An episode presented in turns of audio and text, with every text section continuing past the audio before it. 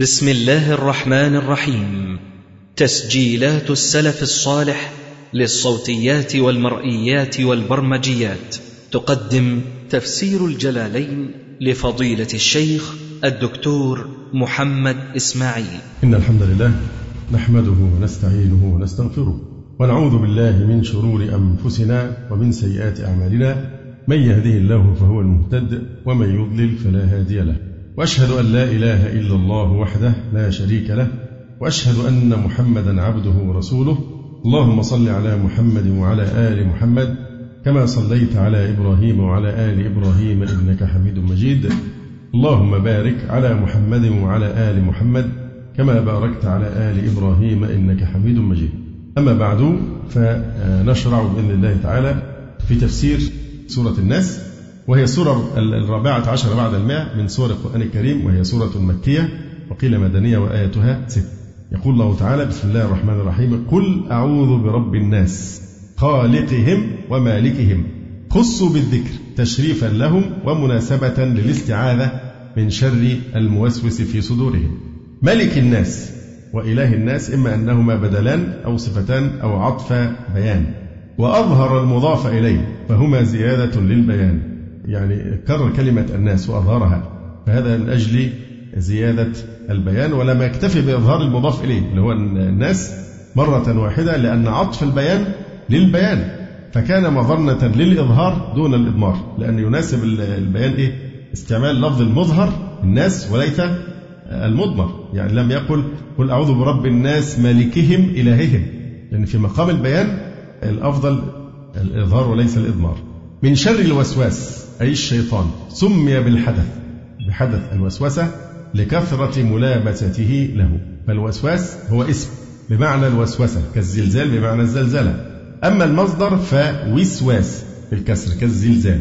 والمراد به هنا الشيطان سمي بالمصدر كأنه وسوسة في نفسه كأنه هو نفسه وسوسة لأنه صنعته وشغله وأريد ذو الوسواس. ويطلق الوسواس على ما يخطر بالقلب من الشر وكل ما لا خير فيه. وأيضا على حديث النفس. من شر الوسواس الخناس لأنه يخنس ويتأخر عن القلب كلما ذكر الله تعالى. خنس عنه أي تأخر. والشيطان خناس لأنه يخنس يتراجع إذا ذكر الله سبحانه وتعالى. الذي يوسوس في صدور الناس. الذي هذا نعت للوسواس. يوسوس في صدور الناس أي في قلوبهم إذا غفلوا عن ذكر الله. من الجنة والناس. هنا بيان من هنا بيانية. من الجنة والناس يعني قل أعوذ برب الناس ملك الناس إله الناس من شر الوسواس الخناس الذي يكون إما من الجنة اللي بيوسوس إما إنسان يا إما شيطان من الجن. فهنا من بيانية ويصح أن تكون ابتدائية ويصح أيضا أن تكون تبعيضية. يقول من الجنة والناس بيان للشيطان الموسوس أنه جني وإنسي. كقوله تعالى شياطين الإنس والجن أو من الجنة بيان له والناس عطف على الوسواس وعلى كل شمل شر لذيذ وبناته المذكورين واعترض الأول بأن الناس لا يوسوس في صدورهم الناس إنما يوسوس في صدورهم الجن وأجيب بأن الناس يوسوسون أيضا بمعنى يليق بهم في الظاهر كالنميمة والحث على ارتكاب المعاصي وتزيينها ثم تصل وسوستهم إلى القلب وتثبت فيه بالطريق المؤدي إلى ذلك والله تعالى أعلم.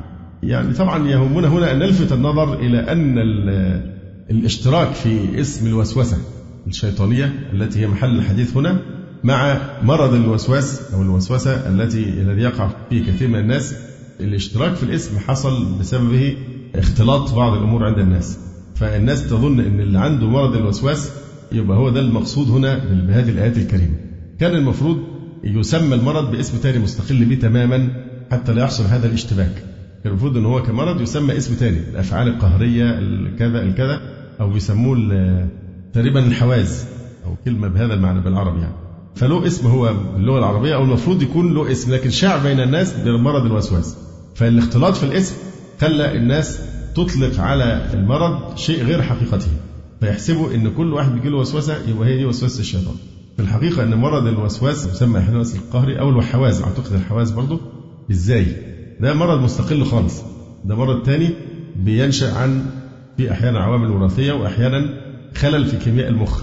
لأن عملية التفكير بتمشي زي القطر كده ورا بعضها. فيجي بسبب خلل في كيمياء معينة اللي هي الناقلات العصبية الكيميائية بيجي الفكرة تفضل زي كأن القاطرة بدل ما بتمشي ورا بعضها كده القطرات بتاعت القطر. بتيجي واحدة تفضل طالعة نازلة في مكانها.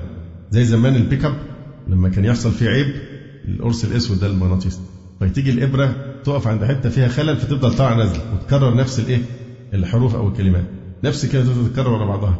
لحد ما تنقلها أنت بإيديك تنقلها لحتة ثانية فده نفس الشيء. بنقرب بس المعنى. فعملية الوسواس ده مرض مستقل كيان مستقل. مشكلة كبيرة ضخمة مش مشكلة سهلة.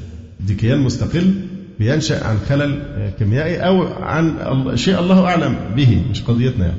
حتى لو قلنا ان هو شيطان كمان مش مشكلة. لكن القضية ان إحنا لازم نتعامل معاه تعامل تعاملا صحيحا. يعني في مثل هذه الحالة ناس كثيرون يمتنعون من العلاج والحالة تتدهور أكثر وأكثر وفي علاج الوسواس القهري بالذات لابد من تعاطي الأدوية، لابد من تعاطي الأدوية وبيحصل تحسن كبير جدا بفضل الله سبحانه وتعالى. أنا أقول هذا لأن مش بقول إن التدين بيجيب وسواس، لكن هو بيظهر كتير في إيه؟ في المتدينين، لكن هو موجود في خارجهم ما بيبانش، لكن لأن إحنا هنا في الوضوء والصلاة وكذا فلما بيبقى فيه وسوسة هو أصلا بيكون عنده وسوسة. ولما بيلتزم ممكن بتزيد أو بتبقى كما هي دي قضية ثانية يعني هو عنده استعداد مش التدين بيجيبه. هو عنده استعداد للموضوع ده لسبب أو لأخر مش القضية. لكن اللي أنا بقوله إن لازم يعني إحنا ما ننظرش لمرض الوسواس القهري على إن هو الوسوسة اللي هي فقط تقول فيها أعوذ بالله من الشيطان الرجيم. لأن اللي عنده المرض ده بتبقى أخطر بكثير جدا من إنك أنت تعالجه بمجرد الرقية. فالرقية علاج ولكن لابد أيضا من تعاطي أدوية كيميائية تضبط المواد الكيماوية في المخ وبيتضبط إلى حد كبير بيتحسن. عند حوالي 30% من الحالات تحسنوا 30% بيذهب عنهم وفي نسبة ثانية بيفضلوا زي ما هم. لكن الواحد لازم يأخذ بالأسباب لأنها بتعمل مشاكل بقى اجتماعية ومشاكل في علاقاته بالناس ولخبطة في العبادة إلى آخره. فاللي عايز أقوله إن الوسواس مرض مستقل الخطأ الكبير أنه أطلق عليه مرض الوسواس. فتشابهت الكلمة مع الوسواس اللي بنستعمله في النصوص الشرعية. فالناس أخذت موقف إن إيه؟ لا ما فيش أدوية وده نتعامل معاه فقط بالتعوذ. فأنا أقول التعوذ مع الأدوية. لابد إن اللي عنده وسواس يروح للطبيب وهو لا يد له في هذا. ما فيش أي إنسان يضمن نفسه إنه ما يجيلوش مرض. الدستور يكفل حق المرض لكل مواطن.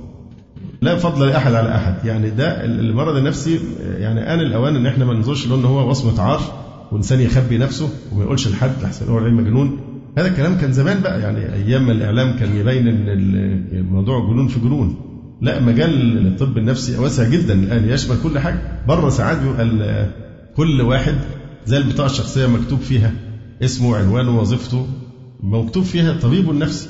فمش عار. يعني المرض النفسي حق زي اللي بيجي له لوز والإنفلونزا والزايدة والخراج كل زي أي مرض مش وصمه عار. اللي هو فيه المشكلة الأمراض الذهنيه اللي هي العقلية بقى مش النفسية. يبقى فيها خلل في الأهلية يعني. لكن المرض حق كل واحد يجي له مرض. نسأل الله العافية لنا ولكم ولسائر المسلمين. أقول قولي هذا وأستغفر الله لي ولكم. سبحانك اللهم ربنا وبحمدك. أشهد أن لا إله إلا أنت أستغفرك وأتوب إليك. جزى الله فضيلة الشيخ خير الجزاء. ونسأل الله جل وعلا أن يرفع مكانة الشيخ في المهديين وأن يجعله علما من أعلام الهدى والدين. ولا تنسونا وتنسوا الشيخ من دعوة صادقة بظهر الغيب. وتقبلوا تحيات إخوانكم في تسجيلات السلف الصالح بالإسكندرية. هاتف رقم صفر ثلاثة فاصل أربعة تسعة أربعة سبعة ستة خمسة اثنان. والتليفون محمول صفر عشرة واحد ستة أربعة واحد تسعة ثمانية صفر. والسلام عليكم ورحمة الله وبركاته.